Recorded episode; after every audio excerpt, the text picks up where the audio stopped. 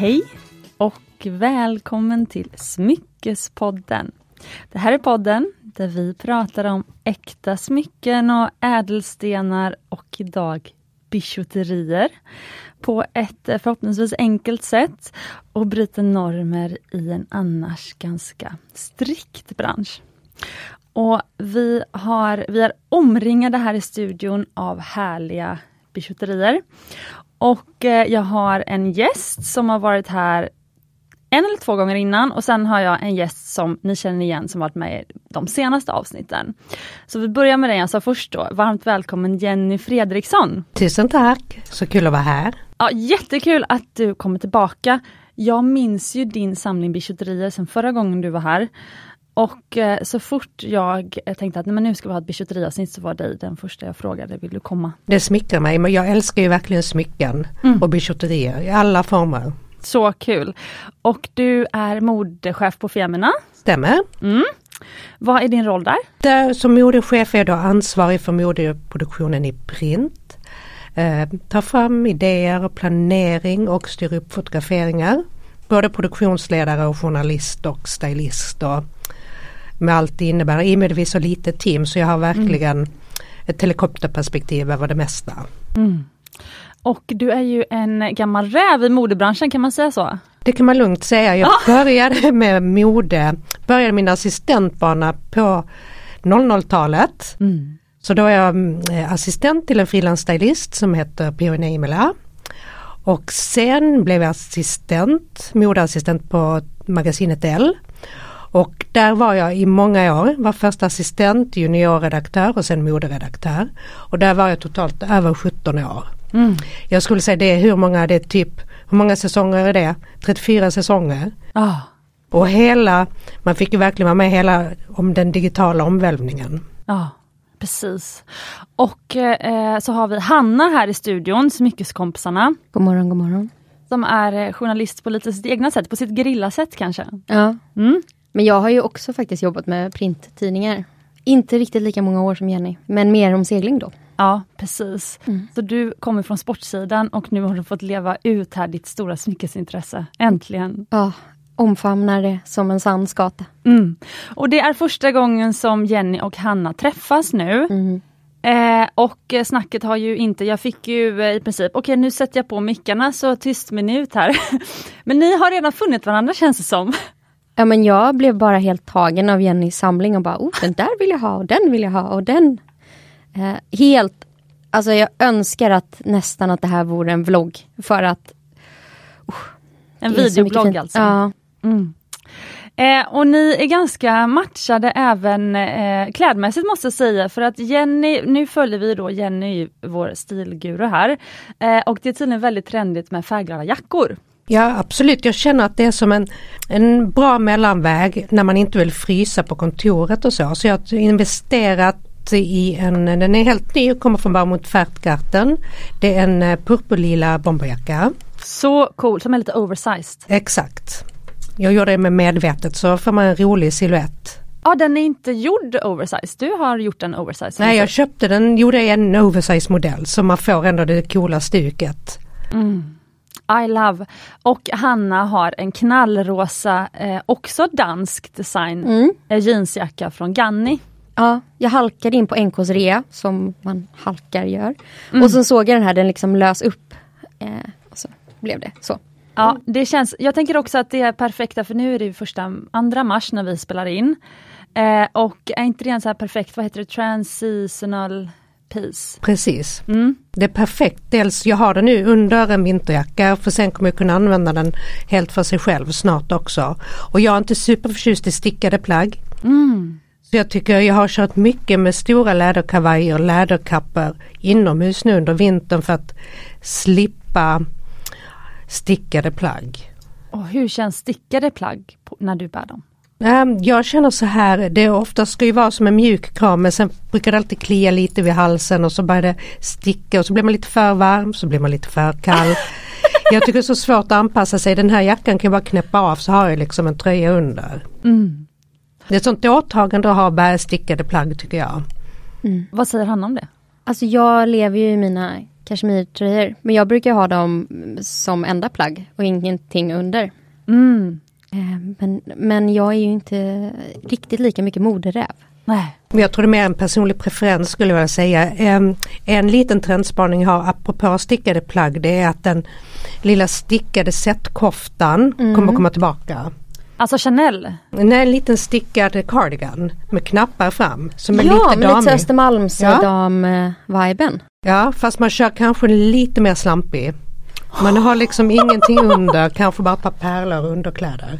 Men det är ju väldigt Coco Chanel. Ja, I only sleep in number five. Ja. och en kashmirkofta då. Ja, förstår. Men det är alltså... Kashmir silkeblandning kanske? Ja, kanske. Det kan vara vad som helst. Mm. Men alltså, jag tänker en klassisk, om ni ser ett koftset så har man en matchande stickad linne eller tröja under så har man en matchande kofta ovanpå med små pärlknappar. Mm. Ja, var det det du menade med Mm. set? Jag tänkte sådana här kungahus, du vet när man har en kjol och en Alltså det var det jag tänkte med Chanel, när man har så här kjol och stickad kavaj. i mik- Nej, som eller- bu- bouclé? Ja, det är en buklé, alltså mer som en dräkt. Ja, en dräkt. Nu tänker jag ett koftset som är, Mm. alltså det är ju Östermalm lite posh, prim and proper. Underground. Det här känner jag skulle kunna vara någonting för din kollega Helena. Ja, exakt I så. svart med lite små knappar. Men vi ska ju gå över till smycken snart. Mm. Nu måste jag bara ställa frågan, vad ska man ha på nederdelen till det här? Du menar cardigan? Ja, vad ska man då, då om du, du sa att det skulle vara lite slampigt och lite sådär, Ja, det är väl kanske mer ett state of mind. Skulle jag vilja säga. Man kan ha liksom antingen så sina vanliga byxor eller leggings eller vad man nu vill ha. mm, men, Inbyxor kanske? Ja, superfint. Ja. Och så tänker jag eh, platåskor till. Mm. Mm. Är det din nya grej? Ja, precis. Man, har, man får ju sina nya grejer som man går igenom. Precis. Jag har alltså ett par blommiga eh, platå Dr. Martens typ på mig. Som jag fick, eh, jag fick eh, vad heter det, som komplimanger från Jenny. Så det, då blev jag glad. Ja. Mm. Så då eh, har vi alla någon fashion statement här i studion då. Men är det det vi säger, man ska ha kläder som gör en glad? Ja, precis så. Det är jättebra. Och det är också en bra segway in till smycken då, för smycken är också en sån sak man kan bära för att göra en glad. Perfekt, ja verkligen. Rutin, rutinen skiner. Ja, snyggt! Okej, vad kul. Men då ska, vi, ehm, då ska vi börja med dagens ämne. Äntligen! Så, ska vi bara säga att idag så kommer vi prata om det som vi inte brukar prata om i Smyckespodden. Vi brukar prata äkta smycken för att ehm, det kanske inte får så stort eh, utrymme i eten som bijouterier. Kanske Jenny har svaret på det sen. Jag ska ställa frågan till henne varför man kanske inte ser äkta smycken så mycket i, eh, i modemedia. Men sen ska vi då också prata om när är bijouterier kanske det mest fantastiska som finns. Så då eh, mina damer, alla vi tre damer här, är vi redo? Absolut. Ja. Snyggt, då kör vi!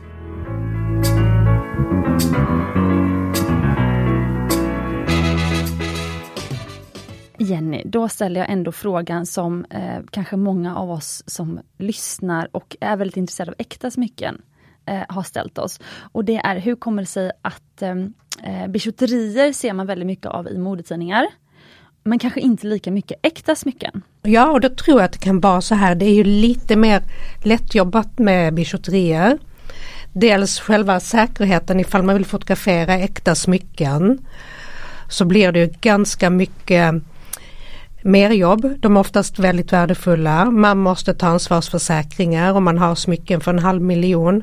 Man gör det inte jätteofta för man har ju själv ansvar så att inte de försvinner eller blir stulna och eh, sen också är det ju bijouteriens fördel gentemot eh, de äkta smyckena det är att det kan kanske är lite det liksom blir ett eh, större intryck och ett avtryck för att de har större former. Eh, de är mer trendanpassade. De är enkla att arbeta och styla med och sen finns det också självklart en prisfråga med det hela så att säga. Juveler och äkta smycken har ju oftast en helt annan prisbild. Mm, och i tidningen så vill man in, inspirera till mer billigare köp. Eller Ja, det är eller ett annat uttryck för det är så otroligt svårt att Även om man, låt säga att man stylar en modell med massa äkta smycken så kommer de inte fram. Ah. Det syns inte. det är så otroligt delikata former. Det är mer, ibland känns ju mer eh, äkta smycke en känsla. Det är liksom en förlängning, ett skydd mot en själv. Sant, fint beskrivet. Så bijouterier har oftast liksom i och med det lite större så syns det mer. Mm. Till exempel de örhängena du har bredvid dig som är en decimeter långa i en grafisk form. Det är mycket mer tacksamt för bilden. Mm. Och för en tidningssida någonting som tar för sig för ibland känns det mer Jag tänker mer äkta smycken att det är som en En förstärkning av en själv, man vill hedra sig själv. Och man vill smycka sig själv. Det är mer en privat sak tycker jag med äkta smycken. Och bijouteri är ju mer som man kanske vill pynta sig själv så att andra kan se det. Jättekul och väldigt bra utgångspunkt tyckte jag. Ska jag sammanfatta lite här det du sa. Mm. Jag skrev ner lite här under tiden. Eh, Men det ena var ju helt klart det här med att, eh, att arbeta med plåtningar. Det blir lite för mycket ansvar och sådär och- med försäkringar och så. Ehm, Men sen tyckte jag det här med att äkta smycken just är privat för, med sig själv, att hedra sig själv och förstärka sig själv. Exakt. Det var äkta smycken. Hanna, vad säger du om det här? Ja, men, eh, det här var ju sagt på ett sätt som jag inte riktigt lyckas formulera i mitt huvud. För jag har funderat mycket på bijouterier i och med att vi har pratat om det. Vi pratade om det i samband med att vi pratade rea på äkta smycken och den här nya trenden med influencersmycken och bijouterier. Och då var ju vi lite skeptiska. Så jag tog ju faktiskt det ett varv till och så funderade på vad jag kände inför bijouterier. Och nu lyckades ju Jenny sätta det i mycket bättre ord än vad jag lyckades göra för mig själv. Så det var ju väldigt fint. Men jag håller med, det blir ju ett visuellt statement och det blir ju hållbart trendmässigt. Alltså man kan ju kanske inte unna sig jättestora äkta smycken varje säsong eller man vill väl kanske att de ska vara lite mer tidlösa. Men bijouteri kan man ju gå all in på kul och färg och spännande. Och sen är det ganska bra med bijouterier. Då här har jag smycken från typ 2002. De går, bijouterier, de kan komma och gå i trend, alltså i trender men de är oftast alltid ändå aktuella för de är vackra. Det blir inte som med kläder så att åh du bär verkligen förra säsongens byxa eller Alltså det blir ju liksom aldrig den här eh, smycken och bijouterier är ju på något sätt ändå lite klassiska för de kommer också och går. Jag har ju jag sly, och det är mycket enklare att spara sina favoritsmycken eller bijouterier. Mm. De tar inte alls upp samma plats som ytterplagg eller byxor eller skor. Så det tycker jag verkligen man ska liksom ha kurera sin samling. Även om det är billigare smycken inom citationssmycken. Det är inom citationstecken. Sekta. Men det är väldigt kul att du säger det för jag hade kunnat tänka mig att eh, eh bijouterier, oäkta smycken, är att det, för att man kanske köper det för att uppdatera sin style varje säsong kanske.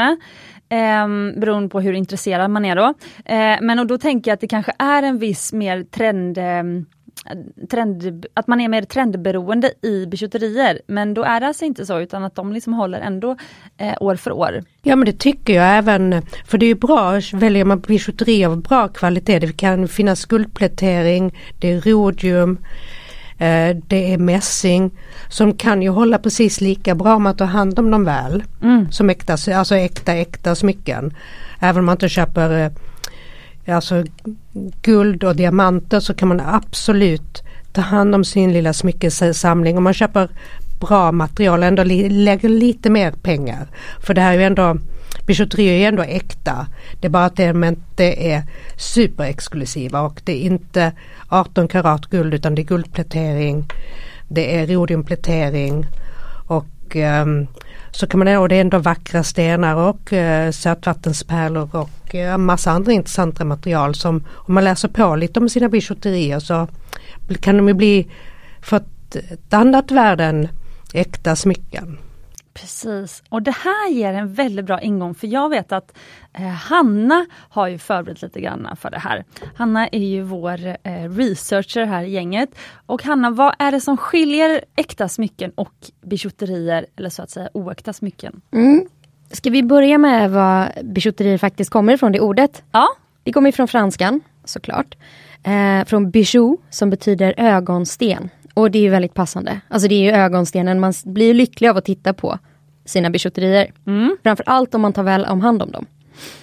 Och det som skiljer då bijouterier och äkta smycken, Jenny har varit inne på det, det är främst materialet. För att jag vill säga att välgjorda bijouterier har ju absolut det här designelementet och det är någon som har tänkt och fixat med dem, absolut. Men äkta smycken är då ädelmetaller och det är eh, silver, guld, eh, palladium, platina har vi de ädelmetallerna. Och där även då vitguld. Eh, och bijouterier är då saker som inte är det. Och då pratar vi även om guldplätering men även eh, silver som är guldpläterat. Vi har ju klockor som är med dubblé, det är liksom ofta en bra metall under men man har dragit över ett guldlager. Och det finns ju som Jenny sa olika kvaliteter på. Eh, lite dyrare bijouterier har ofta ett tjockare lager guld. Alltså det är ändå lite dyrare, det är bättre hållbarhet. Men den stora skillnaden är som sagt de tål till exempel inte ultraljudsbadas oftast. Ehm, de är lite känsligare mot så här parfymer, handkrämer, allt sånt. Så det man ska vara medveten om att det kanske inte är smycken som man kan bära hela dagen, varje dag, året runt. För då kommer de inte hålla så länge. För materialen i sig, det här med ädelmetaller är ju att det som definierar dem är att de Även om du sliter ner dem, sliter du ner en guldring så kommer du bara till mer guld. Den får en patina men det händer inte så mycket i övrigt. Så det är väl vad skillnaden på bijouterier och äkta smycken. Och sen så forskade jag då lite i smyckeshistoria för att se liksom hur gammalt är bijouterier. Och man har hittat smycken som är 75 000 år gamla. Och det är genomborrade snäckskal som folk smyckade sig med. För vi har alltid varit intresserade av att pynta oss själva. Och det fanns ju inte liksom, tekniken att arbeta med ädla material och stenar. Eh, den första liksom, slipade diamanten kom 1477. Så det var den första liksom, facetterade diamanten som kom i en förlovningsring. Um, så att bijouterier har ju funnits nästan längre än äkta smycken. För att det går ju att arbeta med trä och göra otroligt vackert hantverk i de materialen för de är mer lättarbetade. Och sen har de ju också en så kulturell signifikans. Många så afrikanska stammar har ju otroligt vackra såna här pärl, riktigt intrikata pärlhalsband och smycken som visar ens status. Så smycken har ju historiskt sett alltid använts för att visa vilken klass man tillhör. Kanske äldremannen eller äldrekvinnan har en viss typ av smycken för att visa deras status. Eh, det finns eh, de här eh, thailändska stammarna som har halsringar i guld som har förlänger nacken. Där man liksom visar sin transition från att vara en ung flicka till en äldre kvinna. Töjning av öron. Vi har även liksom tatueringar används som smycken av maorierna. Så att bijouterier har ju en väldigt viktig signifikans. Och man får ju då liksom stora smycken som syns, som visar vem man är. Mm. För andra. För det jag undrar då är, vet du varför man behovet uppkom att dela på äkta smycken och bijouterier? Varför säger man inte bara smycken om allt? Jag tänker mig att det är någon slags konsumentupplysning. Eh, dels är det väl förmodligen också en så här, De Beers marketing campaign. Varför ska man betala mycket mer för någonting än för någonting annat?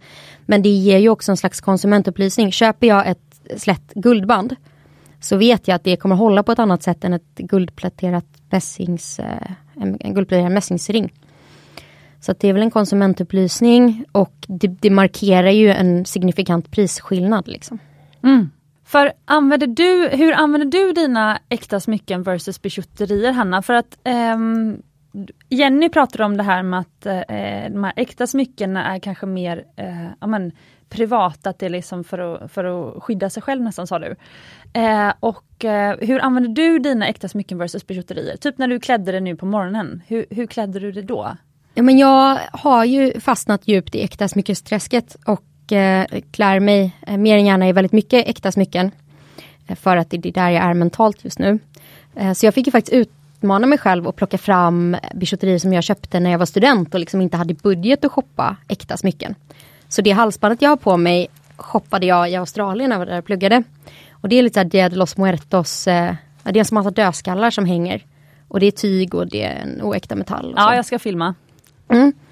Och jag tänker att det var det som, det är ett sätt att med en snällare budget komma upp i ändå signifikant samling. Så att uh, har också den här ringen. Som jag inte vet om den tekniskt sett är bish för den är silver men den är inte dyr liksom. Mm, den skulle jag nog säga är ett äkta smycke. Mm. Ehm, men okej, för att det här tycker jag är väldigt spännande och jag kan nästan känna att det är nästan mer privat ibland att titta på någons bijouterier. Alltså för de syns mer som du sa Jenny. Och så blir jag väldigt nyfiken på varför har Hanna just ett stort halsband med dödskallar på? Alltså jag blir nästan mer nyfiken på det än guld, guldkedjan bakom som jag tänker kanske är en vanlig doppresent. Ja.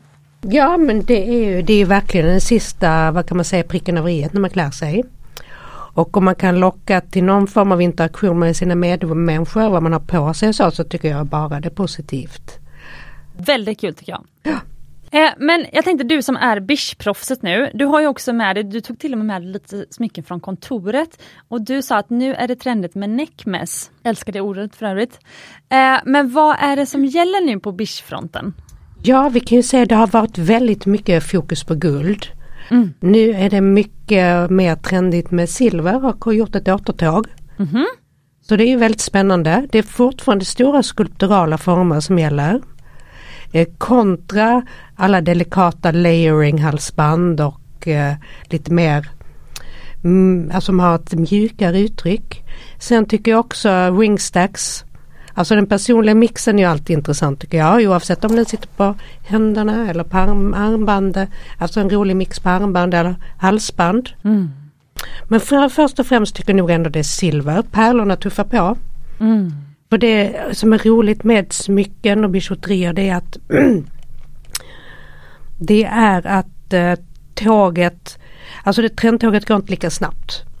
Så man kan lätt om man investerar i ett gäng barockpärlor eller andra smycken med en tydligt trendavtryck så blir det inte omodernt. Nej. Det är så himla skönt. Och sen också bara för att det silver är trendigt nu, guld är aldrig omodernt. Nej. Det blir ju inte det. Alltså det är ingenting man behöver vara orolig för ifall man gjort en investering i guldsmycken nu. Det är skönt att veta. Mm.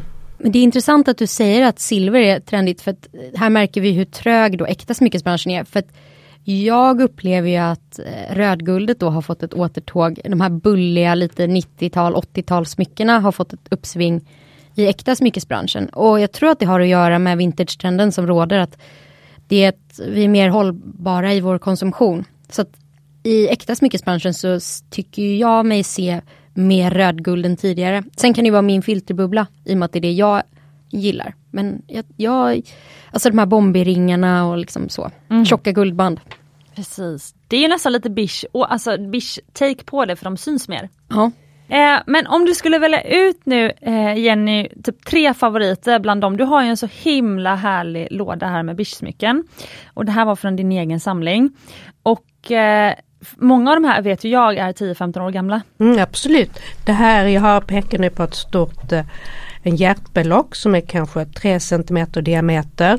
Det fick jag, det kommer från 80-talet. Mhm. Så det här är liksom mitt äldsta smycke i samlingen. Jag fick det för jag blev så inspirerad av ett som man blev på den tiden av en musikgrupp som heter Transvision Wham, Vamp.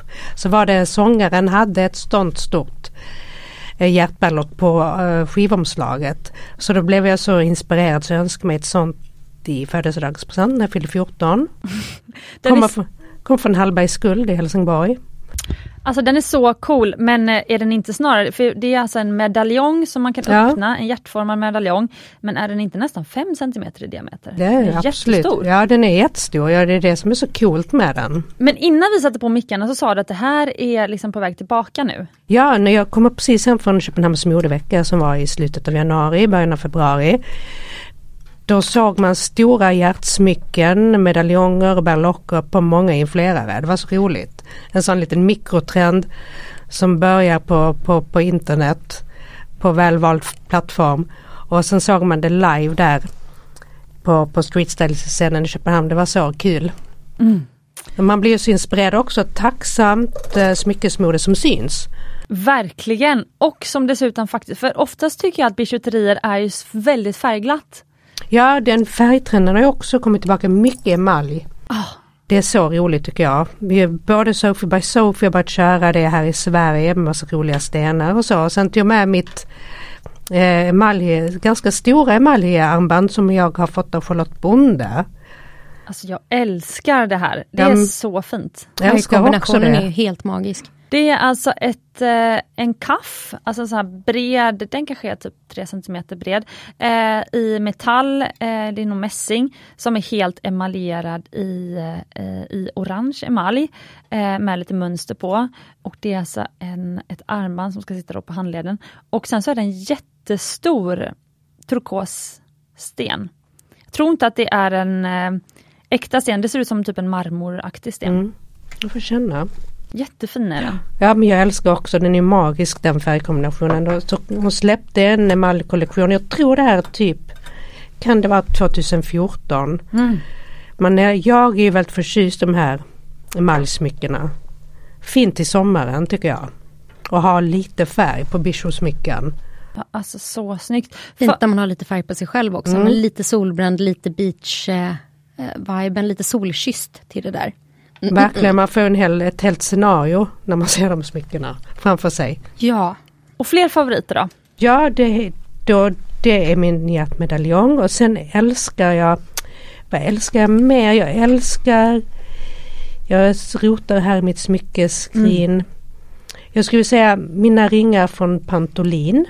Det är ett svenskt varumärke, Paula Pantolin, en jätteduktig silversmed och guldsmed. Hon gör otroligt behagliga smycken, de är så otroligt sköna på. Lagom statement, jättefina material, superfin kvalitet. Det är så roligt för det här var ju de ringarna som Hanna plockade upp. Det ser ut som riktigt tjocka domringar som eh, har igelkotts eh, eh, liksom taggar på. Den ena är guldig med guldblobbar som taggar. Och den hette Ostrich för den är inspirerad av strutsens eh, eh, skinn. ha strutsläder är Ja, ju så strutsläder är, knottrigt. det är knottrigt. Så det här är samma struktur på den här domringen. Och här är en annan domring i silver. Och kommer inte ihåg vad det är för stenar. Man skulle tro att det är turkos men det är det inte. Det är en annan. Eh, för att Och Hon den, jobbar genomgående med väldigt bra äkta material. Det här är silver och det här är också, det här är i och för sig ett förgyllt silver med silverknoppar. för att jag ser en sak Hanna, jag vet inte om Mm. du tänker på det men alltså Jenny är, det är så det, alltså det är så roligt med Jenny för att jag har alltid sett det sen jag träffade första gången. Så känner jag så här, det är bara liksom mode och estetik går liksom genom hela din kropp. Och jag märker att du skiljer ju inte riktigt på, ja, det känns som att när du tänker äkta smycken då är det liksom dina förlovningsringar. Ja. Resten är bara så här, smycken. Alltså du är så skönt liksom avslappnad och typ o... eh, Brydd. Eh, Ja, Ja, det obrydd, måste du- och, eller eh, inte obrydd men oelitistisk. Alltså det, du liksom separerar inte med, eh, ja det här är ett fint smycke och det här är ett fult smycke för att det, det ja, är olika. Utan du, så, Oängslig. ja exakt! Ja det kan jag nog säga för jag Helt känner mer. Det är mer så här hur känns smycket när jag har på mig det? Ja det är så härligt. Men Det det är är ju så kul med den här taktila känslan, det har vi pratat om så mycket. Och att ett smycke är skönt att bära, det handlar ju mycket om bra design. Och därför är det så befriande att se ja, men bijouterier, där man ändå ser designen, liksom ändå någon har tänkt till. Det uppskattar man ju. Verkligen för det är liksom, ska man ha stora smycken dessutom så måste det vara en bra balans i designen. Så man inte fastnar med ringarna eller att de tippar eller liksom någonting sitter snett i örhänget. Precis, men för jag, för jag får dela det om, om Hanna inte tycker om att jag delar det här så får vi klippa bort det då Hanna. Eh, men eh, jag och Hanna har ju börjat, eh, för nu, alltså jag och Hanna har ju känt varandra sedan vi var väldigt små. Och Så sen- himla kul. Ja, men sen beroende på vart vi varit i livet så har vi varit olika nära varandra och sådär som man är med liksom kompisar och så vidare, men vi är ju nästan som systrar nu känns det som. Ehm, men nu i och med Smyckespodden och i och med att eh, eh, Hanna liksom tagit mer och mer kliv in i smyckesbranschen så hörs vi mer på telefon och så och snackar lite hitan ditan om allt möjligt. Så i morse innan vi träffade dig nu Jenny, när jag var på väg hit och Hanna var på väg på sitt håll så pratade vi i telefon. Och då sa Hanna, för Hanna har ju märkt lite grann nu i äkta smyckesbranschen att det, det kanske finns en viss ängslighet ibland. Eh, och att det liksom, du har ju börjat stöta på det nu Hanna, så pratar vi lite grann om det, liksom, att, att ändå våga kanske vara sig själv fast man, ja, men, man det kanske finns en viss elitism i äkta smyckesbranschen som, som vi har börjat känna på olika håll, men jag kanske kände det för länge sedan och bestämde mig för att strunta i det. typ. Och så, och så har du stött på det nu li- lite Hanna, eller bara Mm. Ja, eller vill du tillägga någonting där? Nej, men jag Får gärna Ja. utveckla det, Ja. det låter spännande. Det här. Ja, men, Ja, okej. Okej, ska jag utveckla? Nej, men, Ja. eh, det känns som att eh, bijouterier känns som en så härlig kontrast till äkta smyckesbranschen för att det är så öppet och man det är smycken som inbjuder till diskussion och man är väldigt öppen att prata om det för att man gör ju ett väldigt medvetet val. Det kanske har att göra med det här att äkta smycken är för oss själva, man är väldigt hemlig och man vill inte skylta med att man lagt stora summor på någonting för det anses vara skrytigt och så. Men att köpa kläder som syns och bijouterier som syns, det är ändå liksom kanske lite. Smyckesbranschen, den äkta smyckesbranschen är rätt elitistisk och man är väldigt så här, hemlig och vill inte dela med sig. Medan då modebranschen och bischbranschen är betydligt mer inkluderande och rolig. Man tar inte sig själv på lika stort allvar. Eh, ja, vad säger du om det Jenny? Jo, det kan man ju verkligen hålla med om. I och med det bijouterier, de måste ju sälja på ett, alltså volym på ett annat sätt och då måste man kommunicera och man måste ha koll på de senaste trenderna och man måste liksom synas. Sant! Gud, det var en bra poäng, för det är också en grej med bijouterier. De, definitionen ingår att de är massproducerade. Det är ju inte äkta smycken på samma sätt. Nej men alltså för äkta smycken, alltså om du säljer riktigt dyra diamantringar, alltså långt dyrare än vad Mumbai säljer, men liksom riktigt dyra, då kan du ju leva på att ha 25 bra kunder på ett år. Mm. Men eh, som, precis som du säger där Jenny, alltså om du säljer bijouterier, men då, som kostar 300 kronor styck, då måste du ha väldigt många kunder på ett år för att kunna ta ut lön på det. Absolut och sen också det finns ju en viss hantverkstradition och stolthet med de stora, alltså äkta smyckesvarumärkena som de verkligen, verkligen vurmar för också.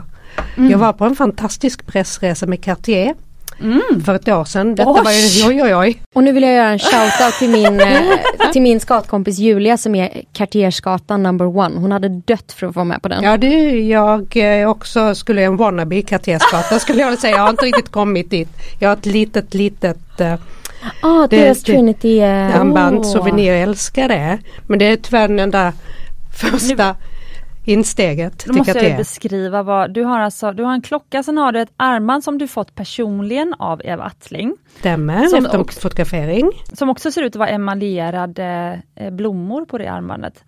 Eh, väldigt ovanligt Eva Attling, ni får kolla på Instagram. Och sen så har du ett eh, lite så guldmässings, alltså mässingsarmband där det står Jenny, nej vad står det? Det står FAM, det är från Edblads initiativ till eh, internationella kvinnodagen. Ah, okay. De jobbar med en organisation som heter Kvinna Kvinna.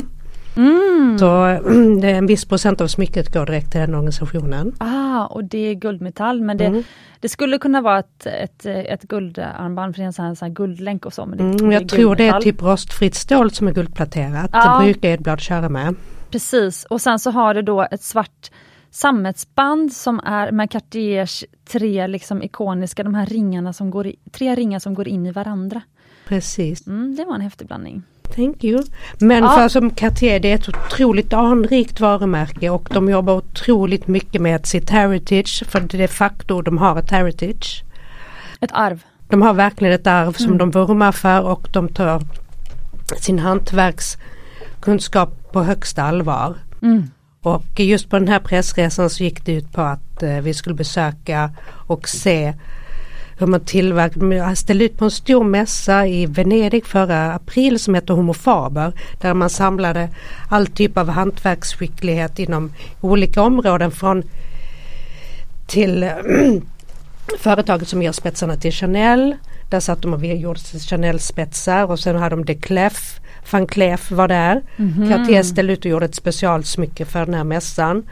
Och de har ju liksom det är så otroligt anrikt och det, de jobbar med, mycket med liksom utvecklingen av eh, hantverket och har mycket lärlingar så det finns ju en helt annan Det blir ju lite mer en, eh, vad kan man säga, en enklav, en cirkel när man verkligen liksom måste jobba fram själva liksom andan i ett varumärke. Precis. Som kanske genomsyrar många av de väldigt fina äkta smyckesvarumärkena där liksom man har så mycket heritage att ta hänsyn till och man måste vara exklusiv. Det är ju som äkta smycken i den modegenren är ju som haute couture.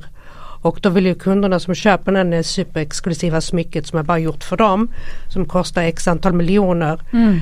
Då kanske de vill bara liksom det måste vara lite mer hemligt och lite mer exklusivt och precis special. Så. Precis, alltså jag tror, för vi måste precis, så de som gör äkta smycken och om man då tänker att Cartier verkligen är ett av de liksom anrika äkta smyckesmärken man, man kan se upp till just för hur de byggt mm. sitt varumärke. Och som kanske även inspirerar liksom en alltså, oss liksom väldigt små. Um, men det är ju just det här att liksom man, det krävs ju en, en respekt av sin kund, alltså det är ju så privat. Så marknadsföring går egentligen emot den här respekt. Exklusiviteten. Ja precis, så det är en, en, ett sådant motsatsförhållande i det mm. som är väldigt eh, intressant och spännande och utmanande att eh, balansera. Som Verkligen, för de måste ju liksom, relationen med kunden är ju det viktigaste. Precis, vad säger Hanna?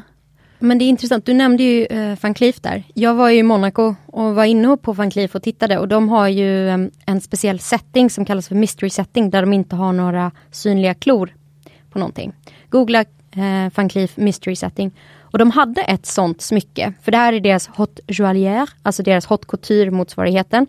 Och det fick jag inte fota. Nej, wow! Så hemligt var det. Ja. Deras klassiska så Alhambra eh, armband, eller de har inte en hel serie, de här med klassiska fyr, fyruddiga blommor. Det är Otroligt bra. vackert. Mm. Gud, jag hatar dem. Jag tycker det är fint.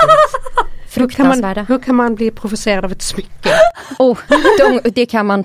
Jo men eh, Hanna tycker ju när något blir för gulligt och för eh, förutsägbart att är det inte lite det som är? Jo, men också håsen. Det är väl lite som Cartiers ah, Love Bracelet. Att det är överprisat. Och eh, ja, men jag har ju, jag har ju en, ett horn i sidan mot Cartiers Love Bracelet och det här faller liksom lite i samma kategori.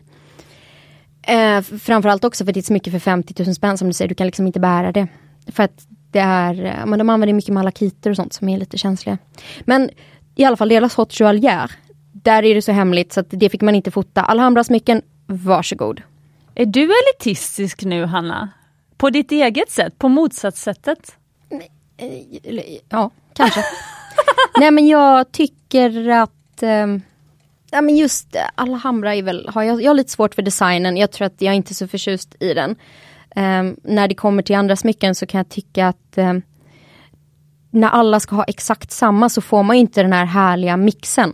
Alltså tittar vi i Jennys smyckeskrin så är ju det Det är nog ingen som har en sån samling. Nej, nej, jag är, den är helt fantastisk och jag tänkte ställa en fråga eh, till Jenny som är hur, liksom, hur bygger man upp en bra bish-garderob? Men bara först, jag måste fråga Jenny, vad tycker du om Cartiers Love Bracelet? Oh, jag älskar det. Mm. Drömmer ha det. Jag ser inga problem med att det är många som har det och det är överprisat så. Vill ändå ha det. Ja, det, visst är hon härlig Hanna? Ja. Nej men det, det är helt okay. fine och jag tänker att du hade ju kombinerat det i en cool wristmess som hade gjort det lite mindre ängsligt. För du hade säkert kanske kombinerat det med ditt vackra emaljarmband från, som Eva har knutit mm. dig. Och då hade det blivit coolt. Ja precis så. Och jag... Gud, jag har sett en presskvinna, ingen nämnde, ingen glömd. Hon hade typ hon hade, jag tror det var typ åtta love bracelet på sin, eh, sin lilla handled. Oj. Och eh, vissa var helt täckta diamanter. För här är ju min tanke då, de pengarna hon har lagt på dem. Ja. Jenny ler så stort. Vad mycket fantastiska smycken man hade kunnat få istället tänkte jag. Ja, men, jag tror inte har pengar så det är nog inget problem. Nej, hon köper, har man så många love bracelets så kan man nog köpa ett annat. Okay. Ja. Precis. Eller så är jag kanske bara djupt inne alldeles avundsjuk för att jag vill ha åtta stycken mm. pavettäckta love bracelets. Okej, men om vi nu ska be eh, Jenny hjälpa oss och er poddlyssnare som kanske också vill bygga en lite mer så här härlig garderob av bisch-smycken och blanda upp med våra äkta. Jenny, vad skulle du ge för tips till oss? Tre bra tips på hur man liksom lär känna kanske sin stil, alltså sin bijouteristil. Alltså hur, hur gör man bra bijouteriinvesteringar? Jo, jag skulle råda till då att fokusera på en kroppsdel i taget. Oh, bra Kanske, tips. låt säga om man gillar ringar från början så är det bra att börja investera i olika bichoringar. Och sen liksom verkligen välja ringar då som känns bra som känns som man kan bära mycket. Om det är lite större så måste de verkligen vara en bra design och sen kan man bygga på, testa hur de ser ut tillsammans och så. Så mm.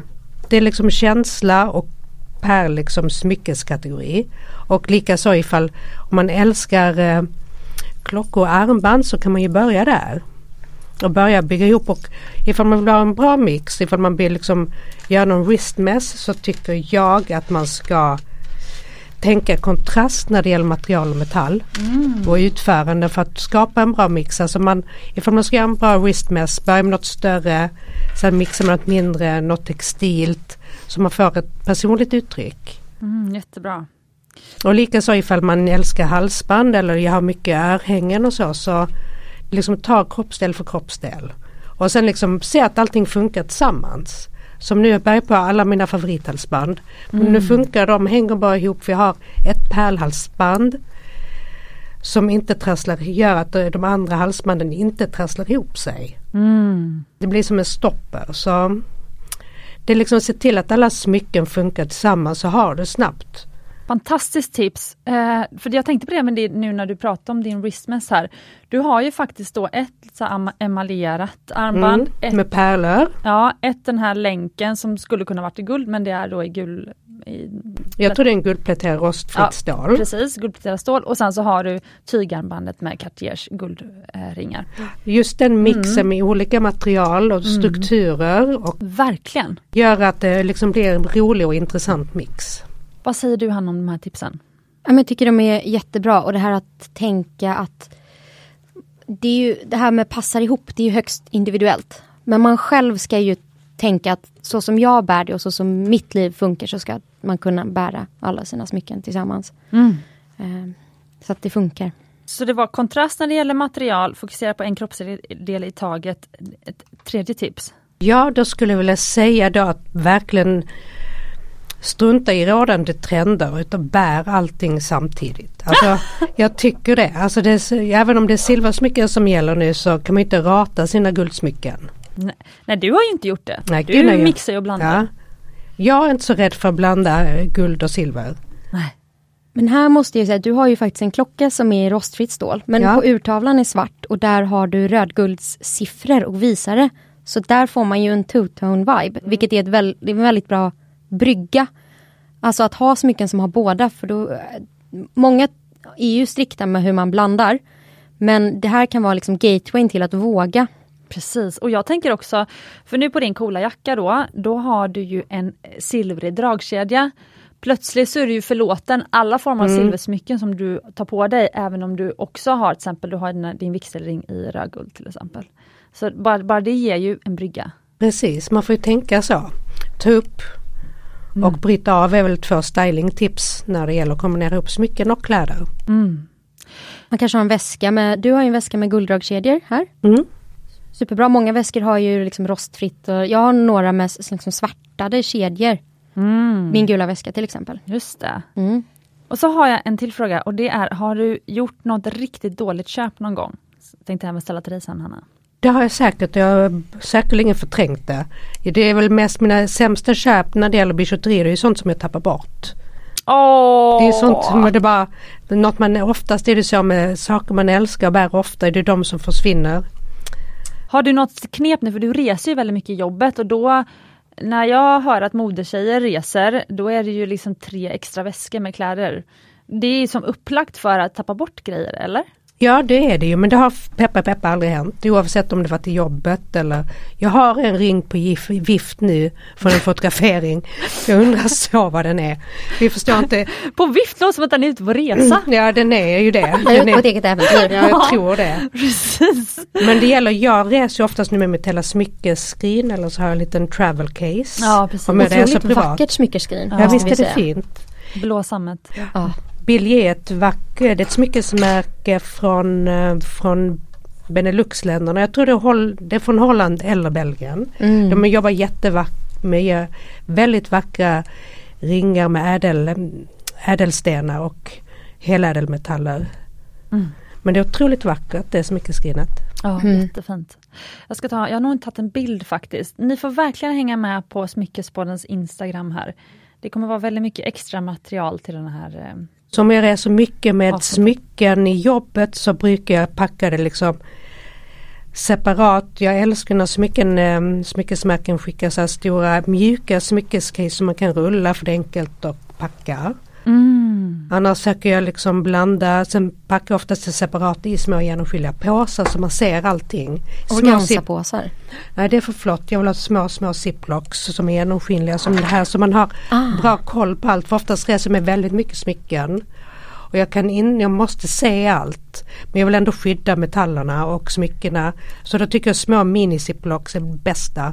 Side note då, det är att jag har kommit på att man ska inte ha, alltså ni vet när man behöver lagra kanske vinterkläder eller juleprydnader eller ni vet det här som man behöver ha lite så i hemliga förråd. Mm.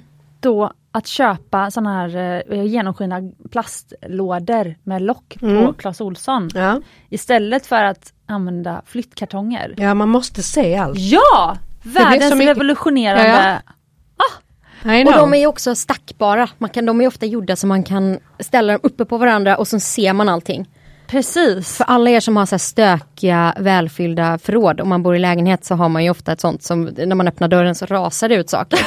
Nej, men att man faktiskt då ser allt som står staplat för då vet man att ah, men nu måste jag gräva Ja, den det är högen. faktiskt så smart och man kan applicera det på allt möjligt annat. Precis. Men så jag brukar när jag är på flygplatsen så brukar jag ta lite ziplock, extra ziplockpåsar i säkerhetskontrollen. För det kan man liksom transportera mycket bra smycken i och så.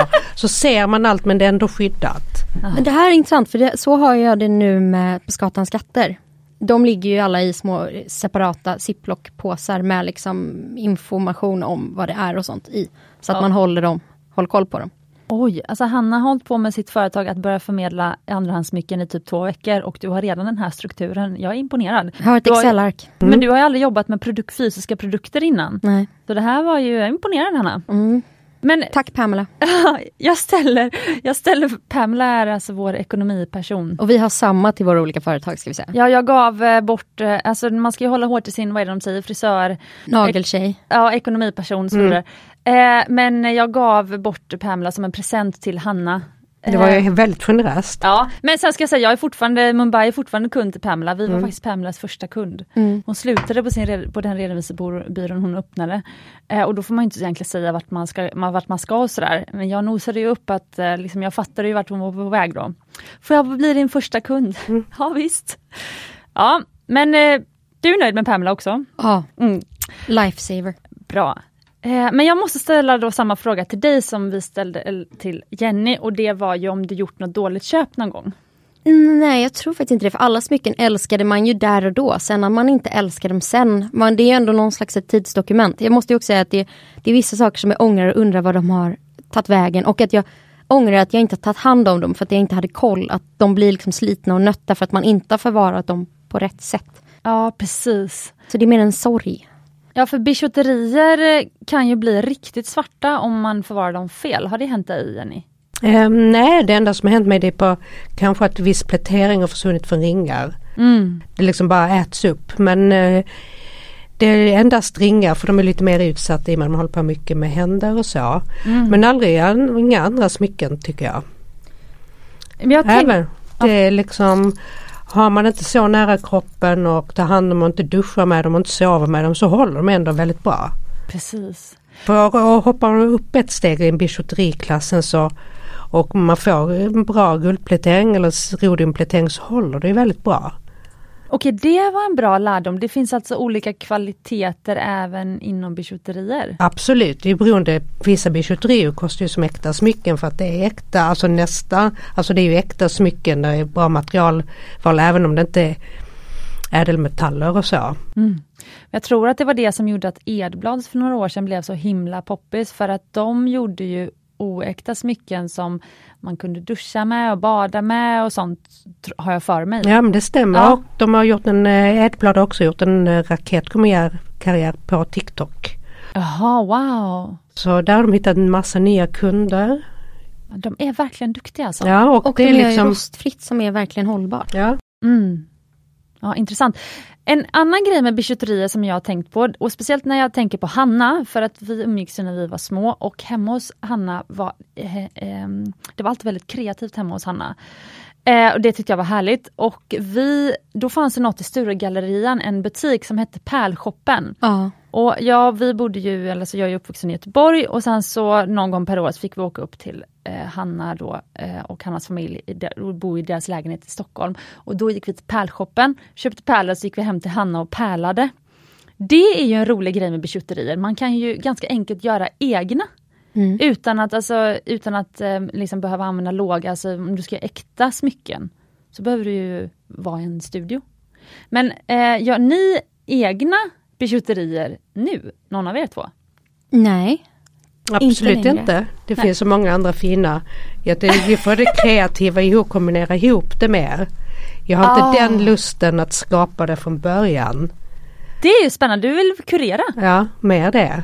Ja, nej, inte längre, men jag vet ju att jag gjorde ju rätt mycket smycken. Alltså, det gick ju att köpa Alltså de pärlorna var ju inte, det var inte billiga pärlor så det var ändå så här rosenkvarts och grejer. Jag vet att jag har gjort ganska maffiga så här pärl med rödkvarts grejer till min mamma, halsband och sånt. Som kanske kostade ändå så här tusen spänn i material. Mm. Så att eh, absolut, men det var ett tag sedan. Mm, Okej. Men eh, för det jag tänkte vi skulle gå igenom nu, det är dels kan man ha en, en garderob med bara bijouterier, kan man helt skippa äkta smycken.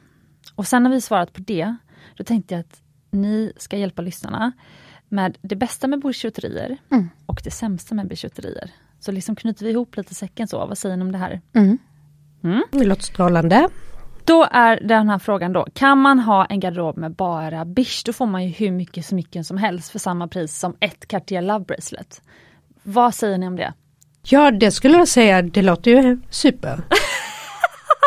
Ifall man är liksom lagd åt det hållet och vill ha mer eh, ett personligt eh, uttryck och så man får kanske mer av mängd och i olika kombinationer. Det är två helt olika personligheter. Vissa är mer eh, specifika som bara har en signaturdoft när det gäller parfym, vissa vill ha en garderob. just det. Jag tror det är liksom don efter person här. Mm. Och då ska jag vara tråkmajan och säga att det kräver ju sin person att vara så noggrann med sina smycken så att man bara kan ha bijouterier. För att det kräver ju att man tar av sig dem, man har ordentliga eh, smyckes, eh, smyck, ordentlig smyckesförvaring på ett annat sätt. Så att man kan ju inte alltid ha på sig det och förvänta sig att det ska hålla fint. Så vill man då som Jenny ha smycken som är lika snygga nu som för 20 år sedan, eh, när de var nya, så måste man ta hand om dem. Och man kan liksom inte bada med dem, man kan inte simma med dem, de kan inte hänga där. Ja, men som både du och jag har ju tunna guldlänkar med någon form av ballock på. Och jag sover med min och har på mig den alltid. Det hade jag inte kunnat göra med ett bish-smycke. Nej, får jag säga vad jag tänker? Mm. Jag tänker att ja, du kan ha en garderob med bara bish om du eh, räknar med att du behöver byta ut dem då och då. För jag märker att för varje gång som jag tar av och på mina till exempel bijouteriörhängen, nu har jag med hängande eh, fjädrar till exempel, eh, som är någon form av eh, metall eh, i, en, i en metallring, det är ett väldigt hippieörhänge. Men varje gång jag tar av och på det så blir det lite mer krokat eller krokigt, lite mer liksom eh, metall flagnar av. Alltså jag känner snart kommer det nog gå bitar. Så jag måste nog gå ut och liksom hitta några ersättare till dem snart. Så man är beredd att liksom då och då en gång per säsong kanske eller en gång varje halvår liksom lite uppdatera med nya bijouterier. Så att om man vill ha mycket variation och liksom då tänker jag att man kan ha en garderob med bara bijouterier. Men om du vill ha ett armband varje dag hela tiden då ehm, tänker jag att då, om du är en sån då don efter person, då kanske du behöver ha det som äkta. Ja man får ju tänka med bijouteri att man måste ta hand om dem ungefär som sina kläder. Kanske byta ut hänget då på ditt örhänge. Ja men det är lite som sneakers. Ja Alltså, man måste pyssla lite kanske. Precis. För Men- jag, ja, förlåt. Nej det var ingen fara, ingen fara. Jag tänker också man måste ju också ta hand om sina äkta smycken och tvätta dem och liksom ha ännu finare och bättre förvaring. Ja, jag tänkte faktiskt också på det, att Ja. man får inte vara en slarvmaja om man har äkta smycken Nej då heller. måste man ju verkligen vara ännu mer i och med det är så värdefullt. Precis. Mm. Och man eh, kanske vill läsa in sig mycket mer på vad det är man faktiskt har. För det finns ju väldigt mycket äkta eh, smycken och framförallt stenar som är eh, mer känsliga. Till exempel smaragder är ju eh, väldigt sköra. Så att de ska man verkligen vara försiktig med. Eh, till exempel, eller turkoser eller ametister som lätt kan liksom repas och inte hålla sig. Kanske är det så här att ju mer äkta smycken man har, desto mer bijouterier kanske man också borde bära för att bijouterier syns ju snabbare om du missköter det. Så då hinner du ju liksom lära dig hur du ska sköta dina smycken för att om du väl har pajat dina äkta smycken, då är du ju rätt körd. Mm, då blir det dyrt. Okej, okay, men det bästa med bijouterier då? Jag tänker två saker var. Ja, det bästa med bijouterier är att det är liksom ett stort utrymme för uttryck, ett personligt uttryck. Och man kan ändra ganska mycket. Och att liksom det blir också som en um, Låt säga att man är mer sugen på ett poppigt emaljsmycke en dag och sen kan man ha liksom mer klassiska pärlor nästa dag eller bära allting tillsammans. Mm. Det skulle nog säga uttrycks och lekfullheten. Kul, och Hanna?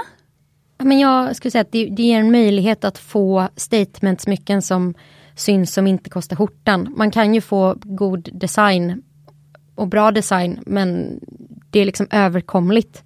Om vi jämför till exempel då Elsa Perettis Bone Cuff. Det, det här är som Elsa Peretti Fangirl Club. Men den kostar 200 000. Du kan ju få ett, liksom, en kaff. Du har ju två mässingskaff som ger lite samma uttryck mm. men som förmodligen då inte kostar 200 000 gissar jag. Nej, jag köpte dem i Tulum. Um, men Elsa Peretti är alltså en av eh, de ikoniska designerserna hos Tiffany. Hon gick ju bort nu för några år sedan, mm. men det känns som att hennes, de designs hon gjorde för Tiffany's har liksom blivit ännu mer ikoniska nu. Mm. Bra, och eh, din andra, Jenny? Det bästa med Bisho? Ja. ja, vad ska man säga? Alltså det är ett lätt sätt att testa, testköra trender. Mm. Tycker ja. jag. Och ifall man är lite osäker på pärlor så kanske inte man ska investera ett eh, mäkta pärlhalsband utan kan ta något, något billigare för att se hur det känns. Mm. Det skulle jag säga också. Mm. Men jag tycker ändå man ska vörda sina bijouterier på samma sätt som man gör med äkta smycken. För då liksom får de ett annat värde också för de som ser det. Ja precis. Ja. Och speciellt om man blandar med någon något äkta så ser det per, i kontexten, i smyckeskontexten mycket bättre ut. Precis. Du menar om man blandar med något som är kanske något äkta? Ja, alltså, ja det lyfter varandra. Ja, mm. det gör det. Mm, jättekul. Mm. Ja, det var det jag ville säga, att det ger ju en personlig touch till sin äkta smyckesamling när man... Det är en väldigt oängsligt sätt att liksom våga blanda kanske sin äkta diamantring med något eh, emalj eller något kul. Liksom. Jag har ju fastnat eh, för så här, det är ett klassiska barnhalsband med kul pärlor och sånt som man gör ihop. Mm. Finns ju fantastiska sådana. Jag tänkte att eh, jag har ett lite inspo-kontotips på Bish. Ja, vad kul. Vi lägger, ner det. Vi lägger med det på slutet. Jag har skrivit mm. att jag ska fråga dig om inspo-konton. Mm. Eh, Okej, okay, men det sämsta med Bish då? Två saker. Ja, men det är väl att eh, om man inte tänker på att det är Bish och att man råkar förstöra dem för att man är oaktsam. Och här och det är lätt att bli besviken om man inte vet vad man köper. Eh, det finns ett nystartat, relativt nystartat eh, smyckesmärke, Annie Jewels från Bianca Ingrosso och Lovisa Vorge. Och där, där är en prisbild, om vi då pratar om att det finns olika typer av bijouterier, olika dyra, de är fortfarande relativt eh, billiga. Och där är det många som är upprörda för att guldpläteringen är ganska låg kvalitet, så de har haft sina smycken i veckor och sen så är de liksom redan sabbade. Att man förväntar sig mer än vad det faktiskt är vad man får. Mm. Och vad man betalar för också. Exakt mm. och de... Ja men deras ringar kostar väl ändå tusen kronor? Ja ja. Och, men där, också där är problemet att de har inte gjort sin, verkar inte ha gjort sin research innan för att det är ingen som svarar i kundtjänst. Det, det har blivit värsta stora grejen på internet nu Oj. att många är sjukt besvikna. Och de har också inte riktigt informerat på sin hemsida. De benämner saker som guld. Och är man inte insatt i smycken så kanske man köper det. Men de har inte varit tydliga med att det här är en plätering, den är tunn, det här är så du gör. För den här spaningen gjorde ju du redan i Alltså vi hade ett avsnitt 86 mm. där vi pratade om uh, lite det här med influencers, smyckesmärken och så. Mm. Och uh, om man får ha rea på äkta smycken, för vi, vi släppte det i anslutning till uh, den kända Black Weekend-helgen. men då gjorde du en spaning på det här redan, att de faktiskt missinformerade sina... Och då var det väl ett nytt i märket, så det är intressant nu att vi sitter här tre, fyra månader senare och din spaning lite grann har ja. slått in. Och just där så märks det så tydligt att de inte kommer från smyckesbranschen. Ehm, de har också benämnt eh, vissa så ringar som vi i Sverige hade kallat X-länk för Bismarck och så. så det märks att de inte har tänkt till, vilket är så en etablerad Bish designer som är en riktig konstnär hade jag absolut haft koll på det. De bara arbetar i andra material. För jag tänkte på det innan jag började med smycken, så en av dem som jag har sett upp till som jag tycker är väldigt vackra smycken, det är just Charlotte Bonde som du tog med dig här Jenny. Eh, och nu när jag ser det igen, sen nu när jag har varit i branschen i åtta år, jag tycker det är ett fantastiskt smycke. Eh, men som Hanna säger, alltså hon älskar smycken, hennes varumärke är smycken. Alltså jag skulle verkligen kunna tänka mig att köpa ett bijouterismycke av henne. Som liksom Eh, och dessutom har jag träffat henne också, alltså hon lever och älskar smycken. Och då, och då litar jag på att, liksom att hennes smycken, är, oavsett om de är äkta eller oäkta material, så är de gjorda med kärlek och liksom, om, om något skulle hända så får jag hjälp också. Alltså, Absolut. Alltså sådär, så att, så att det är liksom där man köper verkligen in sig på, på en trygghet i varumärket. Ja, och man måste göra sin research och kolla upp vad det är för varumärke man diggar. Om det är liksom en, eh, en typisk flyga, låt säga. Kanske många influencersmycken är för att man vill mm. tjäna pengar och eh, profitera på sitt egna varumärke som influerare. Där kan man ju verkligen passa sig tycker jag. Men många andra bijouterimärken som just Charlotte Bonde och Sophie by Sophie de är ju liksom extremt, de älskar ju smycken och uttrycket. Precis. Och de har ju också oftast en botten i fine jewelry. Ja och i design. Ja och i design absolut. Just det, det är sant. Så liksom oftast många bijouterimärken har ju också en fine jewelry line. Har Charlotte Bonde det? Det vet jag inte men hon gör säkert custom och bespoke. Ja säkert. Säkert, jag tror det är många som har det som en side business. Sant. För de är ju guldsmeder från början, sen älskar man smycken och kanske vill nå en större massa. Så börjar man med lite mer annan typ av smycken och bijouterier. Men det är ändå de är ändå liksom noga i sin research av materialval och fabriker och så. Mm. Men eh, Hanna, skulle man kunna säga då att marknadsföringen är en av de sämsta sakerna med bijouterier också? Ja, det skulle jag säga och eh, den här bristen på konsumentinformation. som de, varumärk- som de ofta de varumärkena som säljer bish? Ja, det, ah, okay. det brister mm. väl där. För jag tror mm. att om man är transparent och öppen och säger att möjligheten att du kan få det här vackra smycket som ändå är så här stort och spektakulärt är för att det är gjort till den här prisbilden är för att det är gjort på det här sättet. Och det är fantastiskt men det kräver också lite mer att du tar om hand om det. Liksom. Mm. Och det brister. För jag ska säga det, nu har ju du eh, tagit med dig halsband här. Jag tänkte om vi kanske ska öppna här så kan jag filma lite grann. Du tog med från Femina-kontoret. Men, men eh, Jenny har alltså hängt upp halsband på galgar med plast runt. Det är ju att ta hand om sina Ja, speciellt i transport för jag hatar ja. halsbandstrassel och ifall man vill jobba med layering och eh, neckmess så kommer jag på det här var ett väldigt bra sätt att transportera smyckena. För jag vill inte ha dem liggande separat liksom i en låda för det blir bara en stor stor eh, knuta. För är man riktigt proffsig och reser med det så slår man in de här i sidenpapper, alltså lager för lager. Ja. Men just hängande var ett väldigt smidigt sätt att transportera och dels har ju stylingen redan klar. Ja. Så kan jag bara hänga på det på modellen eller på mig själv så. Mm. Ja du har hängt dem på galgar, jag vet inte om jag nämnde det. Mm. I plastfickor. Ja. Jag vet så det här Marida-kontoret. Ja, det är verkligen ett hemmabygge här men det, det var ändå ett smidigt sätt att transportera det. Har du något sånt som är det sämsta med Bish? Det sämsta är det väl nog ifall man älskar ett smycke i designen och pläteringen försvinner. Mm. Då blir man ju sorgsen men jag har kommit på att man kan gå till en guldsmed och få det ompläterat. Mm. Så det går att göra så också. För jag tänker nog göra det med mina Yves Saint Laurent-ringar. Mm. För där har pläteringen börjat släppa lite men att gå till en eh, och göra om det helt enkelt. Men de här Yves Saint Laurent-ringarna Eh, de här kommer jag ihåg från när du var i mm. poddstudion för två år sedan. inte de 15 år gamla? Jo de är nog från 2007-2008 ja. så de har ju några år på nacken. Och eh, alltså de ser ju ut, alltså de här skulle kunna vara med i någon sån här eh, auktions, eh, liksom, vad, vad heter den aktionen när de skulle vara med? Det är, är det inte kvalitetsaktion, det heter ju något annat Hanna? Fashionabla kanske? Ja, på Kaplans hade nog de där klassats som fashionabla för det är ändå ett känt varumärke. Mm. Mer modebetonat, kanske med någon snygg eh, Chanel-väska som nästa auktionsnummer. Liksom. För vart köper man då? Jag tänkte om ni eh, liksom nu blir poddlyssnare sugna här på att köpa bra, liksom, eh, bra design, bra kvalitet på Bish. Vad är eh, era och kanske framförallt Jennys, jag vet inte om du, eh, Hanna. um, men vad är era bästa tips på eh, vart man ska köpa bijouterier. Bra bijouterier. Ja, jag älskar det. finns otroligt många bra svenska varumärken på bijouterier. Jag eh, både bär och jobbar jättemycket med Sophie by Sophie som har ett väldigt roligt kul uttryck. Både är snabb på trender men också eh, Sofie Gyllenhammar är också väldigt trygg, trygg och säker i sin egen stil. Så det liksom känns alltid cohesive. Mm. Så det tycker jag är jättebra. Jag älskar också Paula Pautolins smycken men det är liksom borderline fine jewelry.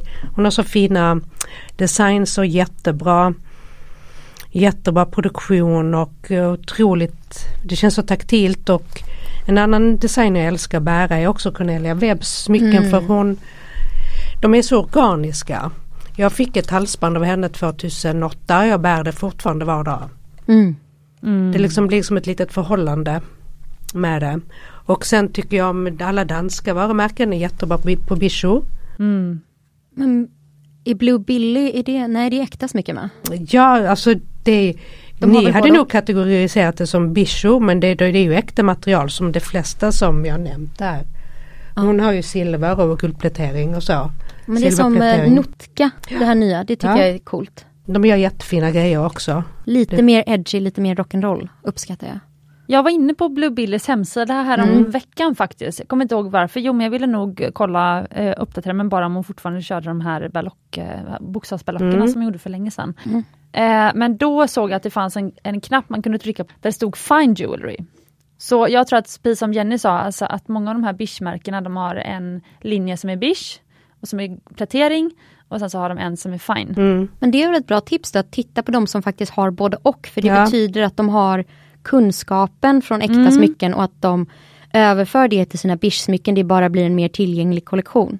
Det finns ju massa sådana exempel i modevärlden. Du har ju Marc Jacobs och Mm. Mark by Marc Jacobs och Mark by Mark by... Ja, Ja. ni får, vi fortsätter. Det är nog ett jättebra tips. Men Verkligen. absolut, jag håller med. Cornelia Webb gör ju också jättebra smycken och hon gör också fine jewelry. Är också väldigt trogen sin egen look. Om man vill ha ännu mer budget på sina bijouterier så är ju Svenska Edblad jättebra. Mm, håller med. Faktiskt, för då har vi ju en annan pris. Det är mer en bijouteri. Även, för de jobbar mycket i rostfritt stål, moderna, mo- modernt designuttryck. Ja. Lättillgängligt och bär lättburet. Så, så det kan ju Du nämnde Paola Bertolini. Pantolin. Pantolin. Ja. Paola Pantolin. Ja. Ja. Eh, vilka smycken här? Ja, det var de ja. Mm. Det var de här fantastiska igelkottssmyckena. Ja, det var ett jätteroligt varumärke. Som Hon kom också från västkusten. Jaha, Ja. vad kul. Eh, sen har jag, måste bara säga det, fa- ehm, eh, Jenny har en jätterolig emaljring som är som ett gul, gult liksom sån här, eh, som Kalle och Hobbe. Eh, serietecknings... Jag ser i tecknen skrik, Ja. sån här, för det är så här stjärnor, stjärnbubbla, då är det när de skriker, när Kalle Mm. skriker på Hobbe.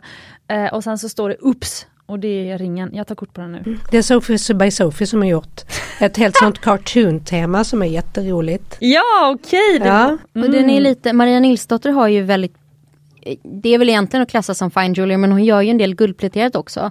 Och man säger lite eh, mer accessible i pris. Hon har ju också en, en dyrare kollektion med så här vigselringar och så. Men där har hon ju mycket guldpläterat och sånt. Som Mm. är väldigt kul. Okej, innan vi ska gå in på eh, inspo-konton också, kanske. Har du något, jag har inte eh, sagt det här till dig Jenny innan, men ehm, vi gillar ju att, eh, och framförallt det är ju Hanna som fått mig, jag tycker det här är en jätterolig del i podden, men att vi delar lite så här kanske Instagram-konton eller inspo, social, social media inspo-konton.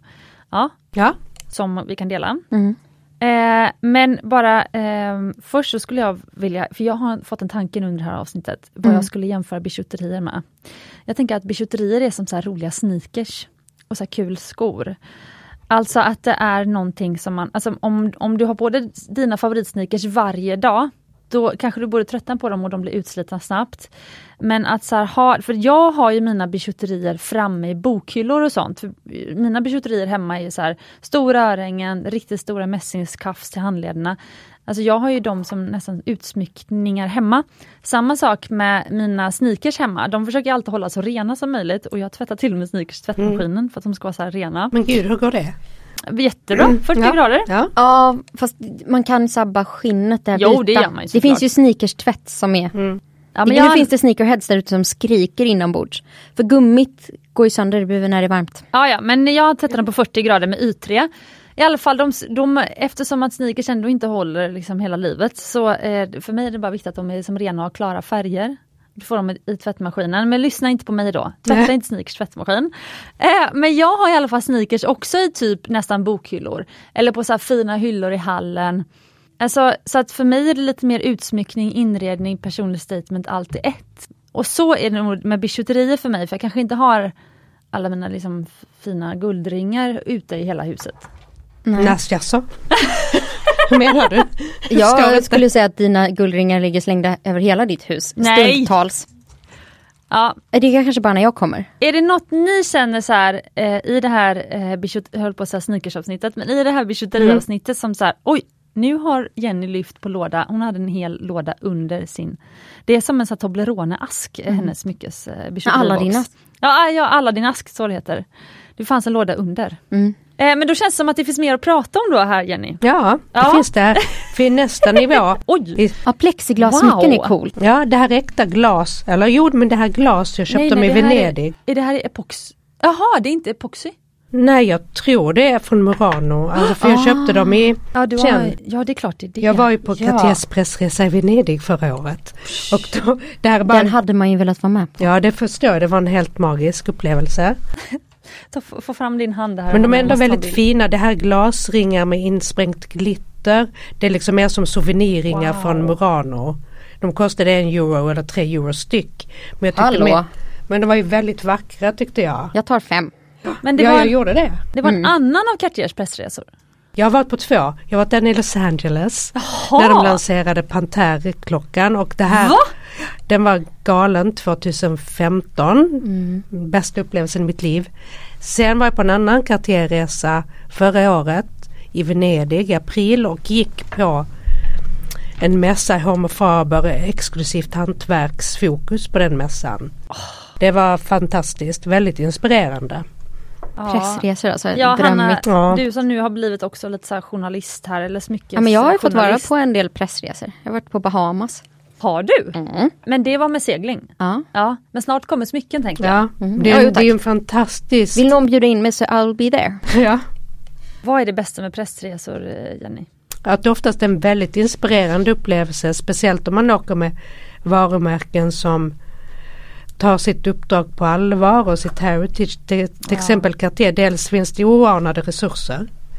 Och de gör liksom väldigt bra resor som man kan skapa väldigt så man skapar också ett bra material efteråt. Det är tacksamt. Man får så mycket inspiration och träffar så mycket människor och Just Liksom för det, det här var ju, man fick ju verkligen gå in, nästla sig in i Cartiers hantverkstradition för då fick man träffa alla deras toppskikts eh, både de som sätter diamanterna, de som gjorde slipningen av liksom Alltså själva om man jobbar i andra material än ädelmetall som Mm. också Cartier gör. De hade liksom allt från trä, elfenben till liksom andra sorts av sniderier. Mm. Fick man träffa mästersnidaren och man fick de som gjorde intarsia.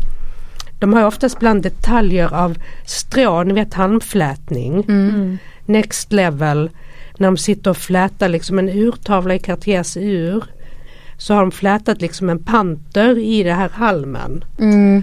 Det är otroligt fantastiskt att få se det. Alltså det är så fint att de låter det ta sån tid. Ja det är därför det kostar också. Mm. För de har liksom lärlingsprogram och hantverkare och mästare inom varje litet arbete när det gäller allt från urverk eh, till smyckestillverkning och så. Mm. Så det är väldigt inspirerande att åka på sådana resor. Så. Mm. Ja, Mm. drömmigt. Verkligen. Okej, inspo-konton. Mhm. Vad, då känner jag så här, vad krävs för att inspirera dig Hanna? Jag har ju ett Eh, jag har ju skrivit ett, ett inlägg om Bish eh, efter att vi hade det här avsnittet och då använde jag bilder från ett amerikanskt konto som heter Ward eh, Vintage. Ward med W. Och där är det fantastiska eh, kvalitetsbish från liksom Det kan vara Bulgari och det kan vara Chanel och ja, men, riktigt stora maffiga smycken. Eh, och de säljer och förmedlar vintage-smycken. Så där inspirerar det, det, är stort och det är extravagant och det är överdådigt och man blir liksom allmänt glad. Så det är Ja, vad säger du om det här kontot? Det är alltså det här eh, Jenny, det var, man blir glad av det. Ja men skjut mig. Ja, Ja det var ju som en buffé. Ja, Så lösgodisbuffé och bijouterier. Det var ju exakt. så otroligt smaskigt. Mm. Och här pratar vi Mm. verkligen bra design och för att ofta de stora modehusen har ju också en accessoarlinje med bischsmycken och det här är den typen av smycken. Så att, mm, mm, mm. ja mums. Eh, Inspo-konton från dig då ehm, Jenny? Jag skulle nog, jag kanske följer mer hashtags. Oj, det är ju du som min kille, han följer Ja. också hashtags. Så när jag blev intresserad, introducerad då till hashtaggen neckmess så var det ju väldigt underbar. Åh, jag ska börja följa den direkt. Och sen började jag följa också, var det wristmess? Ja. Alltså det är mer stylinginspiration och sen tycker jag för då får man ju verkligen mycket rolig inspiration av allt möjligt. Både bra och dåligt men man kan ändå få liksom en känsla. Det är ett sätt att återupptäcka sin egen garderob, hur man kan kombinera det på nytt sätt. Det är lite som du gillar hon Carla Rockmore. Precis. Mm. Ehm, men det här var ju kul faktiskt och då blir jag lite inspirerad för jag tycker inte så mycket om att använda hashtags för att jag vet liksom inte riktigt hur jag ska använda det. Men det är så här man ska använda hashtags. Eh, Så man tänker mer som en service till precis, de som är där, som gillar det här. precis. Men jag har då en, ett inspo-konto och eh, det heter Broken English Jewelry. Det är ju fine jewelry. Inte alltid, för att Broken English är alltså en kvinna som jag har varit fan av sedan jag startade Mumbai. Ska jag säga. Jag avslöjar nu att det är dit också jag går och söker på väldigt mycket smycken som jag tipsar om. För att hon Ah. är otroligt duktig. Exakt! Jag fick det av en följare det kontot, så inte från dig, men det är underbart. Mm, nu skriver Jenny upp någonting, det är väldigt spännande. Jag ska bara upp broken english. Ja, okej! Jag kommer inte komma ihåg det annars. Och ett hjärta också. Nej men där Älskar. finns allt från eh, bijouterier till väldigt dyra men vet, hon som har det eh, kontot som inköpare, hon är extremt duktig. Laura Welch heter hon va? Ja, och tar in väldigt mycket coola independent jewelers. Precis. Eh, och när jag, eh, alltså jag bokade en resa till New York alltså, och det som stod upp först högst upp på den, eh, alltså att göra i New York, i den noten, Mm. det var gå till Broken English. Ja. Eh, men hon kurerar ju också lite vintage och hon har ju till exempel eh, på hennes hemsida, de kanske blir sålda nu, jag vet inte. Men eh, Chanel kafs, alltså jag gillar ju såna breda kafs, alltså hårda armband. Eh, minst 5 cm i diameter. Och Chanel har ju gjort såna i, eh, men det är ju plast eller vad det nu är för material. Eh, men de kanske kostar så här 18 000 spänn. Mm. För liksom så helt oäkta. Men alltså jag hade så gärna drömt om att köpa eh, något sånt. Och hon kurerar bland annat mycket. Hon hittar så magiska gamla coola varumärkessmycken. Wow, Mm. gud vad kul. Ja, Jag har ett inspo-konto till. Ja. Eh, och det här är ett sånt här lite hypat, det är också ett eh, LA-baserat märke tror jag. Det heter Ian Charms. Alltså Ian som är namnet och så Charms som i ballocker. Och gör, eh, ja men tänker när barnen kommer hem med så här pärlhalsband från förskolan fast liksom lite elevated. Och vi har ju en, en stilikon inom Formel 1-världen, Lewis Hamilton. Han bär hennes halsband som heter mental illness, alltså så mental illness för det är liksom nästan eh, schizofrent i alla olika uttryck som finns på det. Så det är väldigt, eh, man blir ju glad av smyckena. Så Ian Charms. är det det här? Jajamensan. Det känns nästan som att eh, man, man suttit på dagis och Mm. gjort eh, eh, liksom ballock... Eh, man det är har exakt pärlat. det halsbandet. Mm. Mm. Mm. Det var ju helt underbart. Ja, faktiskt lekfullt. Okej, eh, men då har jag en sista fråga här. Kan det vara någon gång helt fel med bijouterier, måste jag bara fråga. Är det fel med bijouterier på en ans- anställningsintervju eller ska man ha pärlörhängen? Vad säger ni? Är det någon gång fel? Gud nej. Aldrig. Nej, bra. Ja, vi pratade om det innan vi gick in i podden och så här förhållningsregler. För man, när man skriver mycket så har man ju så här kommunikationspolicies och vad man säger och vad man inte säger. Uh, och jag har en så här regel som är no-no. Och så bara, don't be a racist ignorant bastard. Så var inte elak, var inte ignorant och var inte en dålig människa. Annars kommer du undan med det mesta. Precis. Just det, precis. Vi pratade om eh, att Hanna liksom går in och disruptar smyckesmarknaden nu med sitt Gatans skatter och Smyckeskompisarna. Och då sa Hanna, ja men jag har några värderingar som jag står för. Och det tyckte jag var väldigt fint. För då vågar man komma in att liksom störa och så vidare, eller liksom ruska om eh, i ja, kanske en traditionell bransch, så länge man är schysst. Mm. Mm. Finns det något ni vill säga till lyssnarna så här på sluttampen? Nu har vi pratat en bra stund. Nej, jag tycker bara man ska prova addera mer Mm. i smyckesväg. Jättekul! Jag håller med och prova kanske då faktiskt genom bijouterier. Absolut. Mm. Stort tack Jenny för att du kom hit! Jätte, jätteroligt och jag hoppas att du vill komma tillbaka till Smyckespodden. Jättegärna, det är mitt favoritämne faktiskt. Och ni, och ett stort tack Hanna också. Mm, tack. Att du ville komma hit. Och stort tack ni som lyssnar. Om ni tyckte det här var roligt, skriv jättegärna in, skriv DMs och kommentarer på Smyckespoddens Instagram. Eh, kanske skriv direkt till Hanna och Jenny. Jenny, hur hittar man dig? Jag finns på eh, snabel Jenny Penny Fredriksson. Mm. Och eh, där, eh, där blir man glad, om man säger så, av färger och eh, kläder och smycken och allt möjligt. Och eh, Hanna? Ja men ett Smyckeskompisarna Mm. och ett Skatans skatter. Båda i ett ord. Mm. Mm. Jättekul. Och eh, till dig som lyssnar då, ha nu en riktigt härlig dag. Och glöm inte att du är värd äkta smycken och ädla stenar och Unna dig lite goa bijouterier. precis.